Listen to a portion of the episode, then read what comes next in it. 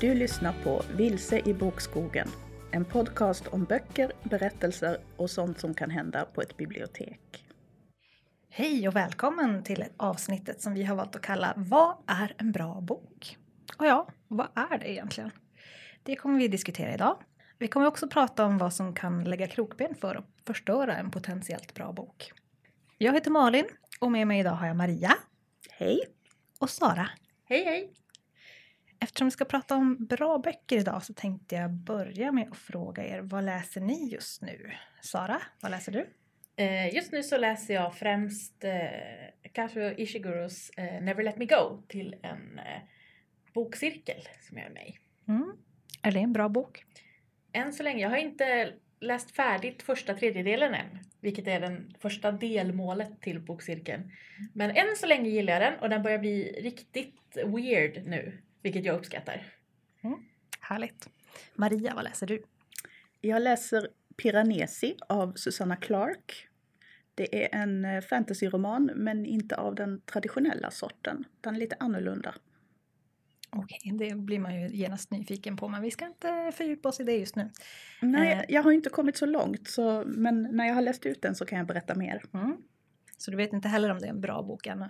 Nej, jag känner att den har potential men jag är inte helt säker. Trevligt. Ja, om vi går till mig så läser jag just nu en bok som heter Fula tjejer av Lisa Bjärbo, Sara Olsson och Johanna Lindbäck. Och det är en ungdomsbok och jag har kommit kanske 20 procent och hittills är den eh, väldigt intressant i alla fall. Kan bli en bra bok, förhoppningsvis. Så det är generellt sett mycket potential här Mm. runt bordet. Det känns ju skönt. Ja. Lovande för våra läsframtid. Men ska vi börja med att prata om vad är en bra bok? Yes, detta lätta ämne. Eller hur? En Mm. väldigt enkel fråga att svara på. Ja, fantastisk.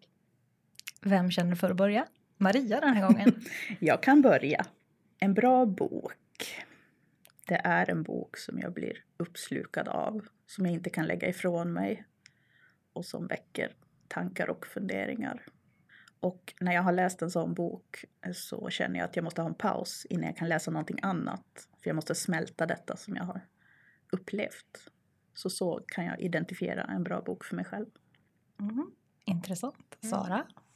Ja, behöver kanske inte ha så mycket att tänka på, på att säga. För mig så är en bra bok främst så vilar den på persongalleriet. Eh, Jag måste tycka om personerna som är med i boken. Det får inte vara karaktärer som är osympatiska men som det är meningen att man ska heja på. Jag, inte, jag gillar inte den. Det är därför jag till exempel har så svårt för eh, de här eh, alkoholiserade deckarna och de här. De är så osympatiska och jag har väldigt svårt för att läsa de böckerna för jag kan inte heja på dem för de är de är liksom, de är ju inte hjältar. Alltså jag har svårt för den typen av. Så jag behöver ha ett persongalleri som, som jag kan vajba med, som, som, är, som känns sympatiskt. Ja. Eh, Jag för att förstår. det ska bli en riktigt bra bok. Sen är jag också mer, jag tycker det är viktigare att den har ett följsamt språk, ett språk jag kan vila i, än att det är mycket action. Jag tar hellre att den är långsam men har ett bra språk än att det går fort eh, och är huggigt liksom. Och jag gillar inte när böcker försvinner iväg i helt irrelevanta detaljer eller spenderar fem sidor med en beskrivning som kanske egentligen inte är så viktig. Utan då tar jag hellre kort och koncist och liksom lite mer rakt på sak. Men utan att bli stolpigt. Jag är uppenbarligen jättekräsen. men, men det är några grejer som, som jag tycker gör en bra bok. Däremot behöver den inte ha alla de här sakerna. Har den ett följsamt språk så behöver jag kanske inte nödvändigtvis ha en, en huvudperson som jag tycker om. Eh, och sen är det ju så att om personen, det är meningen att du ska tycka illa om dem. Eller liksom att de har, själva berättelsen är att de lär sig någonting, har en karaktärsutveckling. Då behöver de ju heller inte vara sådana så att jag tycker om dem från början. Men, eh, lite Mm. så tänker jag när, jag när jag tänker på vad som är en bra bok. Då är det de grejerna jag oftast plockar ut ur boken som, som de bra Mm. grejerna som gjorde den bra. Liksom. Mm. Intressant. Jag har valt en lite mer så här pragmatisk tolkning av vad är en bra bok. Mm. Och jag har, tänker att en bra bok är någon slags lägsta nivå för läsvärdhet. Så att en bra bok behöver inte vara superbra, bara den liksom Den kan ha ett funktionellt språk, en rimlig handling, trovärdiga karaktärer och ett ämne som man liksom blir lite engagerad av. Eh, en bok som håller vad den lovar. Alltså, den behöver inte vara världens bästa bok för att vara en bra bok utan bara Mm. den liksom ger mig någonting som läsare. Eh, och då kan den till och med ha svagheter på olika ställen, precis som Sara sa. Bara det liksom känns rimligt för den typen av bok. Jag tycker att i- i en deckare till exempel, om de tappar tråden, då är det väldigt jobbigt att läsa den boken. Medan det kanske inte är lika viktigt i en kärleksroman eller sådär. Så att lite beroende på vad det är för genre så har man lite olika förväntningar. Och då tänker jag att en, en bra bok är lättare att tipsa någon annan om. För om det är en jättebra bok då blir man oftast väldigt så här, engagerad själv och då höjer man liksom förväntningarna på boken. Och då blir den andra personen, då förväntar de sig mer av boken. Så då blir det ännu svårare att tipsa om den för att den har större chans att falla platt. Liksom. Ja, intressant. Ja. Ja men den känns rimlig och jag tror att den sätter lite fingret på det vi andra pratar om också. Att det är liksom en bra bok. Det är någonting som ska landa i en själv. Men jag känner att skillnaden mellan en bra bok och en superbra bok eller en fantastisk bok det är att man känner att den tilltalar just mig. Det, det, jag känner att det blir en mer personlig koppling i en jättebra bok. Medan en, en bra bok kanske är mer generell, bra för fler personer. Det är en känsla jag känner igen. Alltså att det, jag kan ibland ha läst en bok och tänka den här är bra, hantverket är bra, Mm. den är bra skriven, själva redigeringen är bra, allting sånt är bra. Men den var inte för mig. Det Mm. vill säga, jag vibar inte med den. Mm. Mitt nya modeord här, jag har lärt mig vad vibar betyder. Jag vibade inte med boken. Nej, okej. Då är den, den är fortfarande bra, men den var inte för mig. Mm. Och alltså är den inte fantastisk. Att det är så. Mm. Mm. Jo men det kan jag ändå, jag känner igen mig i den, Mm. Mm. i det tänket. Tänker Men den- lite lika i alla fall. Ja, men då känner man att den här är värd att tipsa om. Jo men precis, man kanske vet någon eh, som, eh, som vill läsa den boken som, som den skulle passa för även om man själv inte tyckte den var fantastisk. Jag brukar tipsa till exempel min mamma får ibland boktips som jag vet att hon skulle uppskatta men som jag kanske förstod inte var för mig. Mm. Men det gör de ju inte. Jag skulle aldrig tipsa henne om en dålig bok. Bra, schysst. Ja, jag är snäll på det viset. Mm. Ja. Ja, jag känner att det var, det var jag som la ribban högst här. Jag skulle nog kalla det för en, en okej bok. En, en helt okej bok. Det är en sån där bok som jag kan tänka mig, den här passar för någon annan. Det här det är inget fel på den, den är, den är helt okej. Men riktigt bra, då, då känns det som att ja, men då måste den vara att just jag känner att den här är jättebra. Men då är det jag kanske hårdare där, för en helt okej bok skulle jag inte vilja läsa.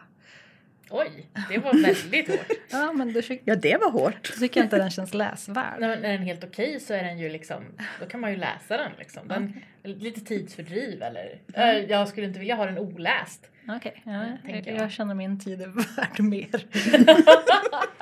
Livet är för kort för dåliga böcker. Precis, och helt okej böcker också. Ja, men det var intressant att vi hade lite olika syn på vad en bra bok är. Det hade blivit ett kort samtal annars. Ja. Om jag då ställer den här frågan, måste en bra bok vara en litterär bok? Och då tänker jag mig litterär som Svenska Akademins ordlista säger med fokus på konstnärlighet. Att det måste vara någon, någonting konstnärligt i boken för att den ska vara bra. Mm, Jag kan få börja för jag har det kortaste svaret tror jag. Okej. Svaret är nej. Och om ni vill ha en, en eh, förtydligande där så tycker jag att en, en bok är en bra bok om du tycker att det är en bra bok. Det var fint. Ja, Sara, vad tänker du? Eh, ja, mitt svar är också väldigt kort. Nej! Det här med, med konstnärlig kvalitet och sånt där, man brukar tänka på nyskapande. Mm. Men du behöver ju inte vara nyskapande för att vara njutbar. Jag tänker ju mer på en bra bok som en njutbar bok. Eller, alltså det kan antingen vara en, en, en bok som bara är för njutning. Eller en bok som ger mig någonting att tänka på, något att filosofera över, ett nytt perspektiv. Men den blir liksom inte dålig bara för att den inte har det här perspektivet. Så länge jag tycker om att läsa den. Ah, här har jag skrivit igen. En, en bok blir bra när jag vibar med den. Jaha, det är din grej Det är nu. min grej. Ja. Ja. Nej men den, den, det är snarare att det handlar om att Mm. boken du läste var rätt för dig just precis när du läste den. Mm. Så om du ligger hemma och känner att jag behöver någon typ av dussin romance utan någon som helst så kallade litterära kvaliteter. Mm. Och du bara läser den och bara njuter av att ligga där i soffan med en ask praliner och läsa den här boken. Mm. Då är det ju en bra bok. Som Men har gett dig en bra upplevelse. Mm. Det är ju jag. den känslan man vill åt. Mm. Att man, man, blir helt, man blir helt uppslukad av Ja. boken och glad och har det mysigt. Ja, Det är det man vill. Ja. Mm. Ja, mitt svar är också nej på den frågan. Jag känner att det beror på vad du vill ha ut av boken och liksom vad du förväntar dig av den. Ibland vill man bara läsa en deckare eller en, en eh, romantisk bok. Men alltså, det är skillnad om det ska vara ett, ett pris som ska gå till boken. Då är det klart att de förväntar sig lite mer nyskapande eller lite liksom någon form av liksom, varför är den här boken så speciell. Men just för när man bara ska läsa en bok så beror det på vad vill du ha för bok? Det här var en bra bok för det är vad jag ville ha. Mm. Och det finns ju inget fel i att vilja ha en bok som inte klassas som en litterär bok enligt Svenska Akademin. Mm. Det är ju ingenting att skämmas över eller tycka är dåligt att man inte läser sådana böcker hela tiden. Liksom. Mm. Eller alls. Eller alls, Mm. precis. Själva poängen var ju att man skulle få välja bok själv. Har ni något exempel på en bra bok? Vill Sara börja? Jag har valt ut tre böcker i förväg som illustrerar vad jag tänker på som bra böcker som jag personligen, rent subjektivt, tycker är bra böcker av helt olika anledningar. Eh, och min första exempel då är Slutet av Mats Strandberg som är en fruktansvärd bok. Handlar ju om jordens undergång. Och det är precis så illa som det låter. Det kommer en meteorit mot jorden och man vet exakt hur lång tid som är kvar innan den kommer att krocka och allt liv på jorden utplånas. Så den handlar då om människorna som vet detta, om hur det känns att alla vet att de ska dö samtidigt och exakt hur lång tid det är kvar på minuten. Och hur viktigt det är att göra saker. Och om vad som egentligen är viktigt när man har så lite tid kvar. Vad ska man lägga sin energi på egentligen? Jag grät floder, jag grät hur mycket som helst. Men den tycker jag är bra för att det finns mycket att prata om. Den har alla de här lagren, du blir uppslukad, det är mycket att tänka på. Eh, den är ju väldigt så här existentiell och nytänkande på sitt sätt. Den har ett intressant persongalleri, det är liksom eh, karaktärer som du fastnar i, som du bryr dig om. Och samtidigt som den då väver in alltså ett spänningsmoment i det här. Eftersom den också har ett brott som begås i boken. Eh, och den liksom hanterar, hanterar frågan om hur viktigt är det till exempel att lösa ett mord när du vet att världen ska gå under och har ett datum på när det kommer att hända liksom. Eh, och då blir ju, alltså den, den utredningen och det, det ger ju en viss spänning som är lite så deckarspänning mitt i allt det här existentiella. Så den är som bra för att den har många lager, det är mycket att fundera på, man måste ta itu mycket med sig själv och sin egen dödsångest. så den är bra av den anledningen. Hyresgästen av Sarah Waters utspelar sig i mellankrigstiden i London och då var det många kvinnor som hade blivit ensamma. Och den här boken handlar om en av dessa kvinnor som heter Frances Ray, där alla män i hennes familj har dött så det är bara hon och hennes mamma kvar. Och för att få in pengar till alla utgifter som de har, de är en, en då överklassfamilj i grunden, eh, men har ju inga pengar kvar och inga män som kan arbeta. Och kvinnor i deras stånd, de arbetar ju inte. Mamman är väldigt noga med att de fortfarande ska bete sig som de är, alltid har varit. Och då är det enda sättet som är respektabelt att få in pengar på att hyra ut en del av huset. Det är fortfarande inte 100% respektabelt, men det är bättre än att bli någon som faktiskt gör ett riktigt jobb. Så de hyr ut övervåningen i huset och in flyttar ett nygift par som är väldigt moderna och väldigt liksom, de är väldigt annorlunda. Där Frances familj alltid har varit konservativ är de här, det här unga paret väldigt framåtgående hela tiden.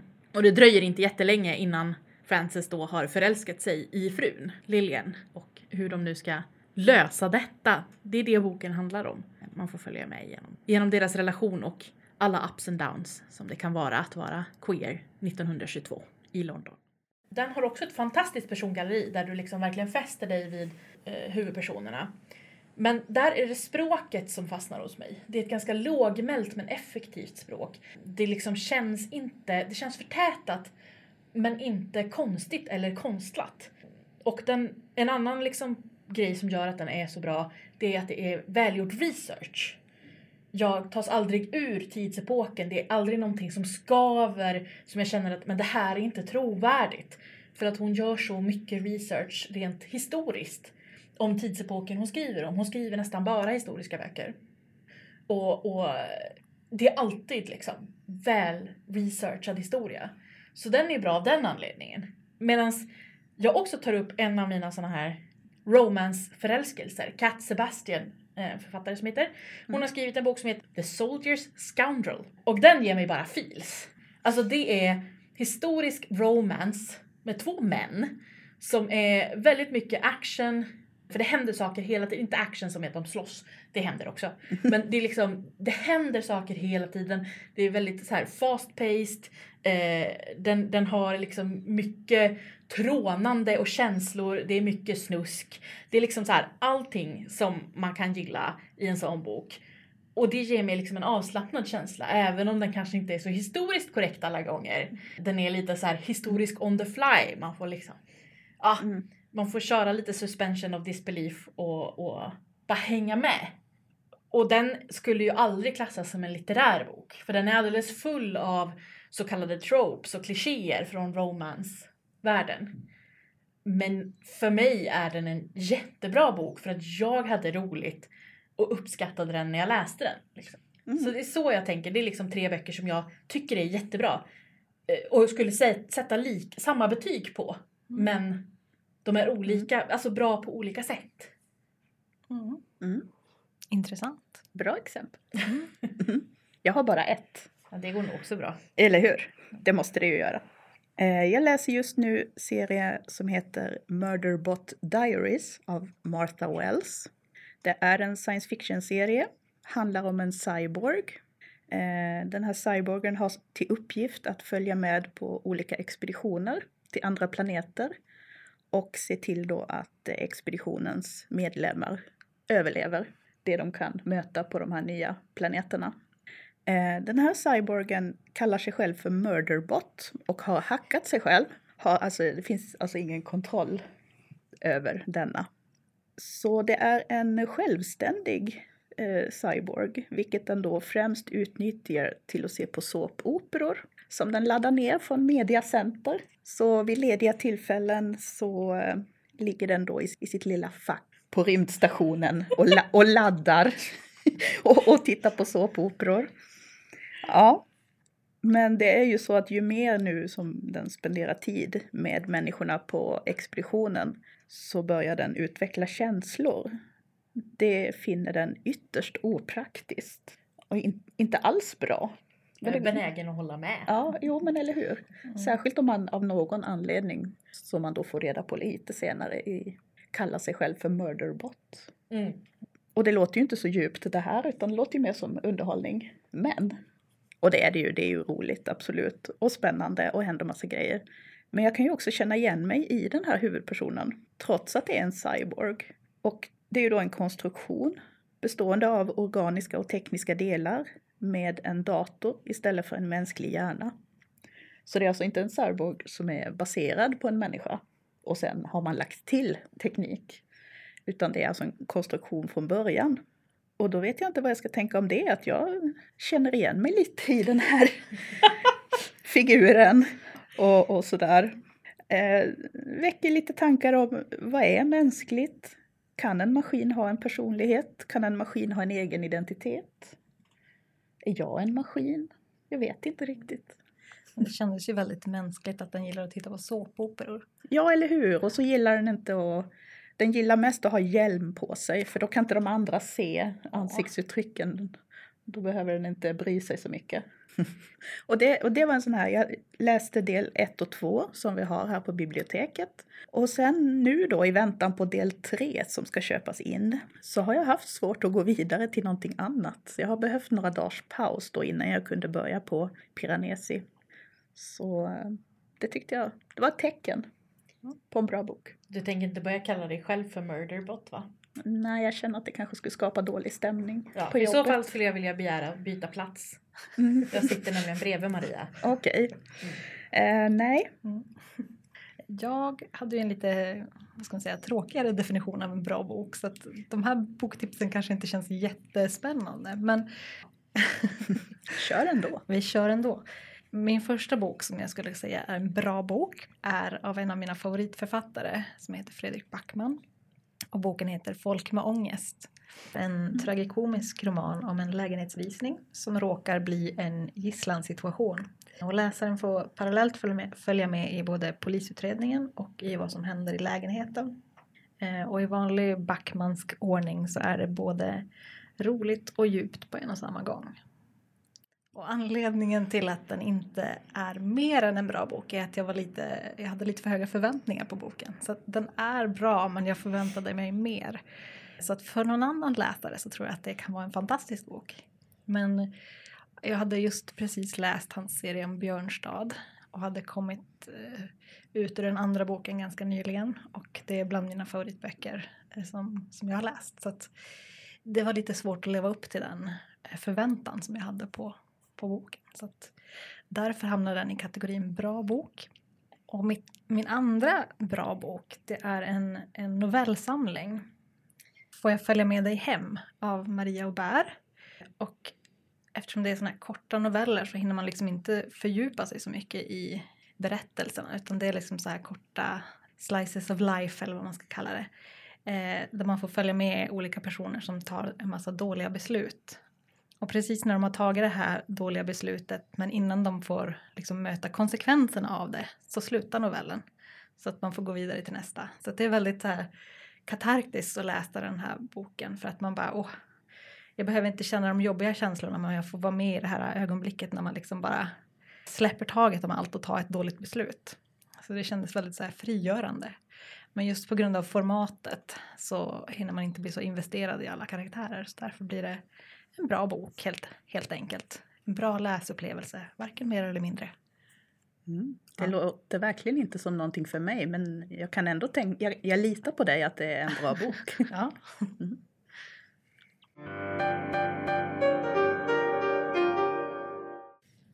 Om vi fortsätter till nästa ämne som heter Faror på färden. Vad kan lägga krokben för en fantastisk bok? Ska Sara börja den här gången? Det kan jag göra. Saker som jag tycker lägger krokben för en bra bok eh, är bland annat dålig redigering. Jag blir tokig på dålig redigering. Det sker oftast i såna men böcker som till exempel Twilight som egentligen inte är en dålig historia som så. Alltså det, det var ju jättedebatt om den när den kom. Och, men om du tar ner det till essensen så är det en tjej som har en vampyr, en varulv efter sig rent kärleksmässigt. Också vampyrer och varulvar som vill ha ihjäl henne men de är inte viktiga för historien. Det är ett triangeldrama för tonåringar som utspelar sig i en amerikansk småstad. Det är liksom, ja är det inte din grej så är det inte din grej. Men den är så fruktansvärt dålig, dåligt redigerad. I alla fall i originalutgåvan som var den jag läste när, då, way back när det begav sig. Jag vet Mm. inte hur den ser ut nu för tiden. På engelska läste jag den, Mm. bör tilläggas. De har liksom missat jättemycket felstavningar, syftningsfel. Det är så sjukt mycket onödiga paragrafer och utläggningar. Det märks att det här är författarens första bok. Och jag tycker inte att man kan begära att någon ska vara perfekt från början. Men jag tycker man kan begära av ett eh, förlag som ger ut en bok att de ska vara eh, hårdare med redigeringen. Alltså, de gör ju inte författaren en tjänst genom att ge ut en bok med så mycket alltså rena grammatikfel. Sånt kan, alltså det är så här, spelar ingen roll hur bra en story i boken är. Om jag fastnar i grammatiken så liksom, eh, då orkar, då litar jag inte på boken längre. Mm. Liksom. Jag håller med. Jag stör mig också fruktansvärt mycket på sådana tekniska fel som man vet att förlaget hade kunnat göra en, ett mycket bättre jobb här. Det är inte liksom författarens fel utan det är de som har gett ut boken. Mm. Det finns ju en anledning till varför redaktör är ett yrke som existerar. Mm. Och då tycker jag att man ska använda sig av det. Ja. Så det är en sån här grej som jag bara Mm. ah! Sen tycker jag, och då i det kommer också det här med att långdragna beskrivningar av saker. Det är en sån här Mm. grej. Jag kan läsa en bok som är hur bra som helst. Men när någon uppehåller sig 15 paragrafer vid någon vattendroppe eller smaken på på maträtt om den inte handlar om mat. Då blir jag så här. Nu är jag uttråkad. Gå vidare. Spelar ingen roll hur bra resten är. Men det är ju en högst personlig grej. Liksom. Mm. Jag tycker inte om såna. Det finns ju de som gör det. Mm. Vad är det de brukar kalla det? Purple prose. Purple prose ja. Det är så här blommigt språk. Ja. Heter det nog på svenska. Man broderar det- ut det liksom. Precis. Ja. Så himla mycket i onödan. Det har ingen funktion och ingen poäng och bara är massor. Och man bara "Äh, nej, nej. Nope. Och sen har vi faktafel som är Mm. uppenbara. Som till exempel när du läser historiska böcker. Det är ju någonting jag gillar. Jag älskar historiska böcker. Men där de inte ens har gjort lite research. När det typ, du läser en historisk bok och det är fel person som är kung. Eller, det, åh, nu kommer jag inte ihåg vad, vad det var jag läste, men jag läste en som utspelade sig under Regency-eran, alltså under samma period som Jane Austen skriver. Mm.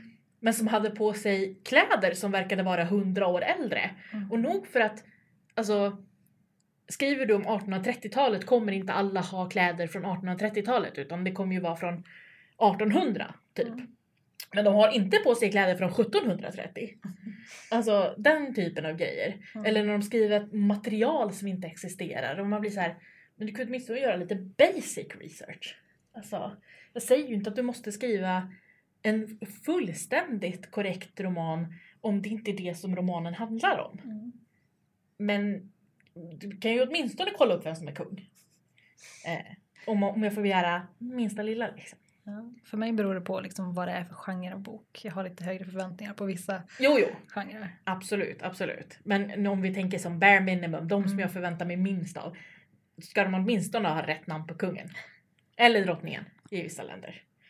Om det nu inte är ett alternativt universum. Ja, nej men då bryr jag mig inte så mycket. Är det alternativa timelines eller kontrafaktisk historia, go nuts! Liksom. Det, då bryr jag mig inte så mycket längre. Men, men ska det vara historiskt och det är inte historisk fantasy och inte liksom, då måste det åtminstone finnas någon, någon tillstymmelse till research bakom. Eh, om så, mycket, så lite som liksom en enkel googling, Mm. eh, tänker jag. Men det är ju rent slarv, det är därför Ja. man blir upprörd. Ja, och då spelar det heller ingen roll hur bra idén med boken var. Eh, om det kommer sådana grejer så är jag, då är jag ute liksom. Då har de tappat mig. Och sen så en sak till som jag stör mig på, som jag inte klarar av utan som gör att jag ofta lägger ifrån mig en bok. Det är när framställningen av personer i boken inte känns trovärdiga. Till exempel ålder. Eh, jag Mm. har ju en liten piv med Rick Riordan som jag tycker skriver jättebra. Jag gillar hans fantasivärldar. Jag, eh, han skriver ju då bland annat Percy Jackson-böckerna.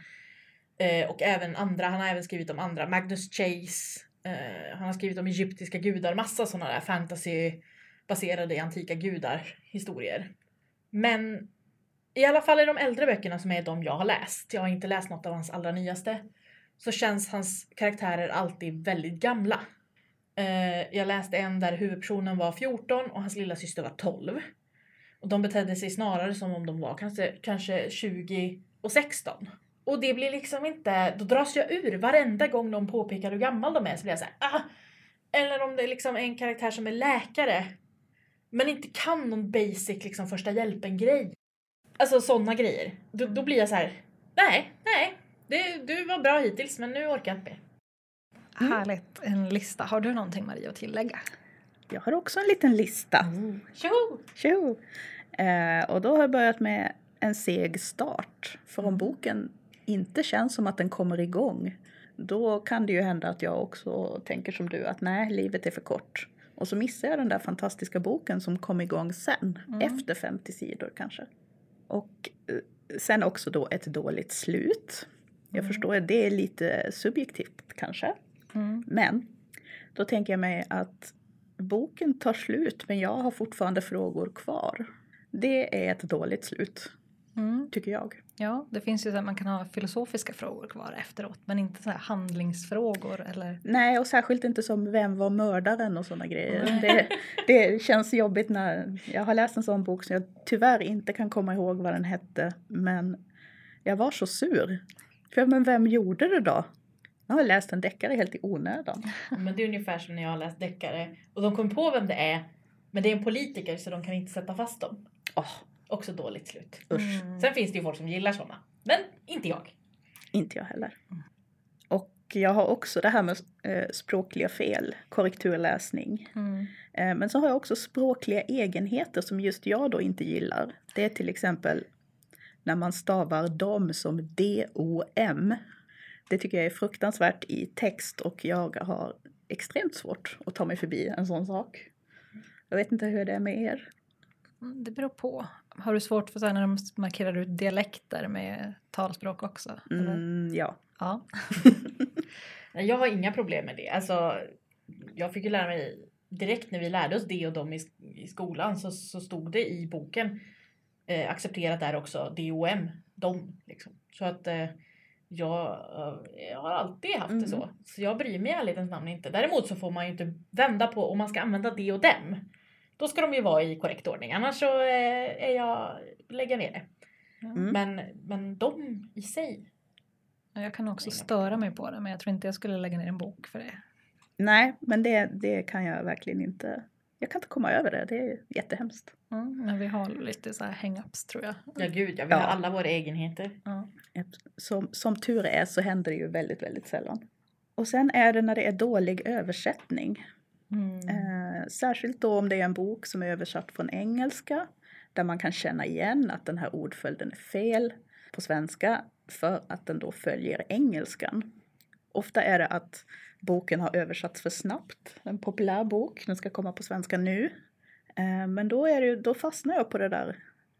Att där var översättningen klantig och klumpig och då kan det förstöra hela boken. Mm. Jag tycker speciellt det är jobbigt när de har översatt, översatt fel. Alltså det är fel betydelse av ordet Ja, som de har översatt. det. Så måste man översätta tillbaka i huvudet. Och så bara, ja, okej, det stod förmodligen det här som egentligen betyder det här istället. Mm. Ja. Ja, ny- nyanser liksom Ja. som har missats eller det kan vara så störigt. Mm. Och det är klart, man, man kan inte allt som översättare heller. Men, men ibland underlättar ju inte tempot de ska jobba i heller. Så att Nej, Mm. Den ska vara helst ute igår, översättningen. precis. Nu, helst igår. Men det var min lista. Har Malin också en lista? Ja, min lista eh, är lite så överlappande med era listor. Vi har många lika, lika Mm. åsikter. Men jag har en så här speciellt hatad grej i böcker och det är epiloger. Jag avskyr epiloger. Det kanske är väldigt personligt, det kanske inte är många andra som gör det men åh, jag tycker ofta att liksom hela boken kraschar med den här epilogen för att det blir liksom så antingen sockersött eller så lägger de till någon ny fakta som, som liksom omkullkastar allt man har läst i hela boken. Ja, så att jag har en så här personlig vendetta med epiloger. Vi kommer inte alls överens. Speciellt i så här romance-böcker är det väldigt vanligt med epiloger. Ah, ja, där får de ju alltid barn och gifter sig Ja. i epilogen och det är tröttsamt för det är så här, det här är ingen poäng. Nej. Eh, Men jag, jag kan känna igen mig lite i det också. Men däremot jag tycker sämre om prologer Ah. än epiloger. Ah. Börja berättelsen där den börjar, ge mig inte tio sidor annat tjafs först. Nej, Men jag gillar faktiskt prologer. Det, Alltså ska det vara en riktigt bra prolog. mm. Så det, det här är nog ganska mycket tycke och smak. Ja kanske. gud ja, gud ja. Men jag får en så här, eh, fysisk reaktion när jag ser en epilog i en bok. Och jag bara, åh, åh, nej. Du tänker, åh nej, nu kommer det. Ja. Nu kommer en bebis och ett äktenskap. Ah, ah.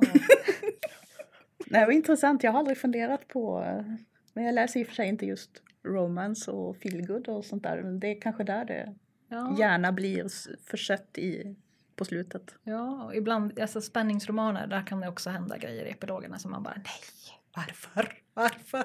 Ja, det, jo, det är sant. I skräckböcker kan det funka. Mm. För då kommer ju ofta det här klassiska skräckfilmslutet att det är inte över, det är mer Mm. skräck liksom på Mm. G. Det kan lämna en med liksom, okej oj, jag trodde att vi var säkra men nu är vi inte det längre. Eh, och det funkar ju i just specifikt skräck. Liksom. Mm. För att de vill att du ska vara skräckrädd även efter boken är slut. Eh, sen klyschor. Det kan funka i vissa böcker. Men liksom, i vanliga romaner har jag väldigt svårt för klyschor. Eh, och när man kan räkna ut handlingen liksom, bara för att det bygger på en massa tropes som man har läst 145 000 gånger, då, då är det inget roligt att läsa den boken. För man bara, ah, okej, sen händer det här, och sen händer det här, och sen händer det här. När det är en, en typ en romance eller någon slags bok där man vill veta vad som kommer hända, när man vill ha ett, liksom ett format där man vet vad man kan förvänta sig, då funkar det. Men när det är liksom en annan typ av bok där man vill bli lite överraskad eller något sånt där, då tycker jag att uh, kunde ni inte ha hittat på något nytt. ja. Eh, och sen antiklimax, det är också en sån här, när en författare Mm. bygger och bygger och bygger och bygger och sen bara nej, ramlar ner till ingenting och man bara Mm. aha, okej. Det är oftast en en romanserie eller bokserier som slutar med en cliffhanger. Och så börjar nästa bok med att nej, det var inte så farligt. Ja. Då blir man eh, arg och Ja. less och bara nej, nu ska jag inte läsa något mer, något mer av den här författaren. Nej. Jag kan leva med att det händer typ en gång, alltså Ja. från en bok till Men om det är en serie på fem böcker och det händer varje gång. Mm. Nej! I'm out! Ja. Ja, man måste leverera när man eh, lovar saker. Precis, håll det du lovar. Ja men Mm. precis. Någon liten fint eller fuling kan man ju göra. Mm. Men inte Mm. varenda gång. Nej. Har ni något exempel på en bok där den föll på målsnöret på grund av någonting som vi har pratat om? Mm. Jag tänkte för några år sedan att nu ska jag läsa Haruki Murakami. Mm. För han är ju så populär, folk säger han skriver så bra, han borde få Nobelpriset. Och då tänkte jag okej, jag ska testa. Och då lånade jag hem Sputnik älskling. Det är en eh, vardaglig, magisk, absurd historia. Det är en blandning som jag brukar gilla, brukar gå igång på sådana mysko-grejer. Eh, det är en berättelse som rör sig i skarven mellan vår verklighet och en annan. Men gör den det egentligen? För jag kommer ihåg att jag tyckte att han slarvade bort det magiska. Och det blev bara det vardagliga kvar.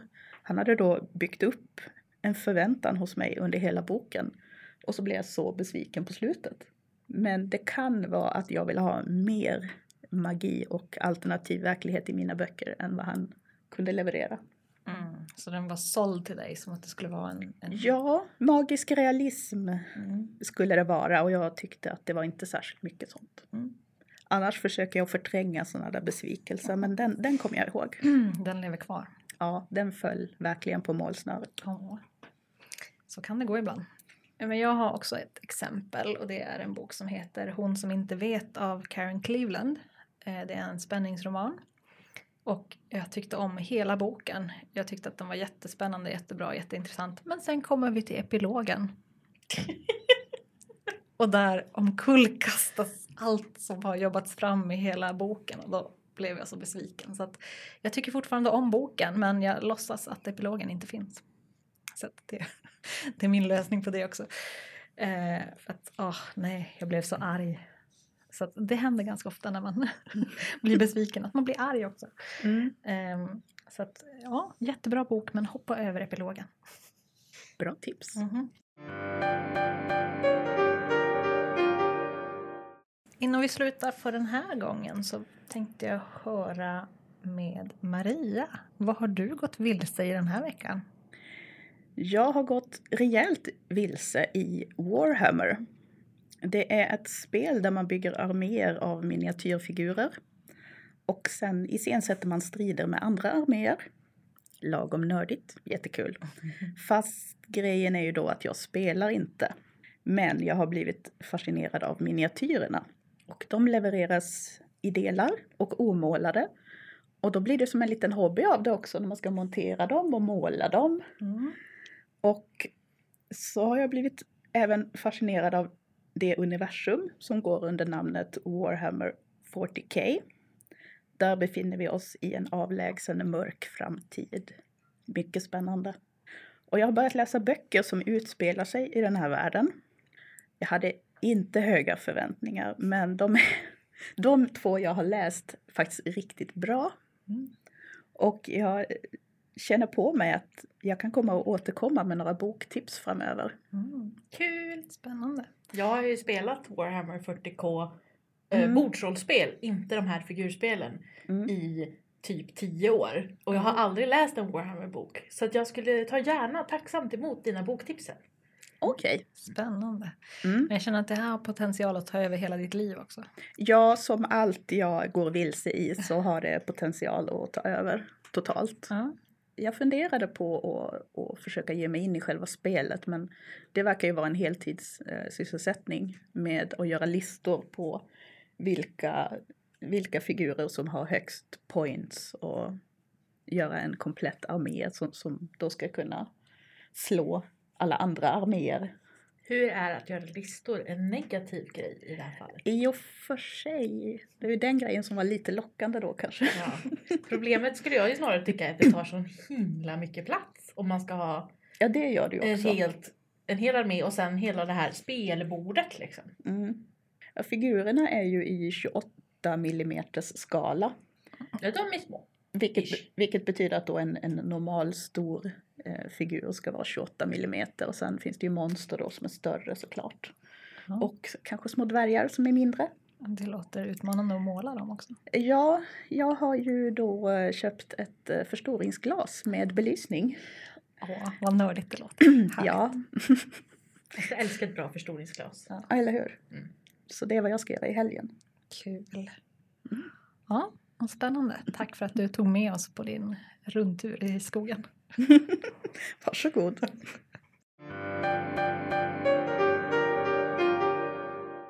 Men eh, då tänkte jag att vi skulle bara tisa lite vad nästa avsnitt kommer att handla om. Eh, kanske lite sol, lite sommar, lite mm, hav. Ja, det skulle man kunna tänka sig. Ja. Kanske en och annan stuga Mhm. Mm. Med en hängmatta. Oh. ja, det är semester vi pratar om. Vi behöver inte hymla om det. Nej, Nästa avsnitt kommer nej. handla om semester och semesterläsning. Ja. Något att se fram emot? Jajamän! Ja. Och då är det jag och Sara är tillbaka. Yes! Och jag med. Ja, just det, du Jag är också här. Malin får också vara med. Ja, Ja, Tack. Ja, men tack för idag. Vi hörs igen. Jajamän, tack för att ni lyssnade. då. Hej då! Hej då.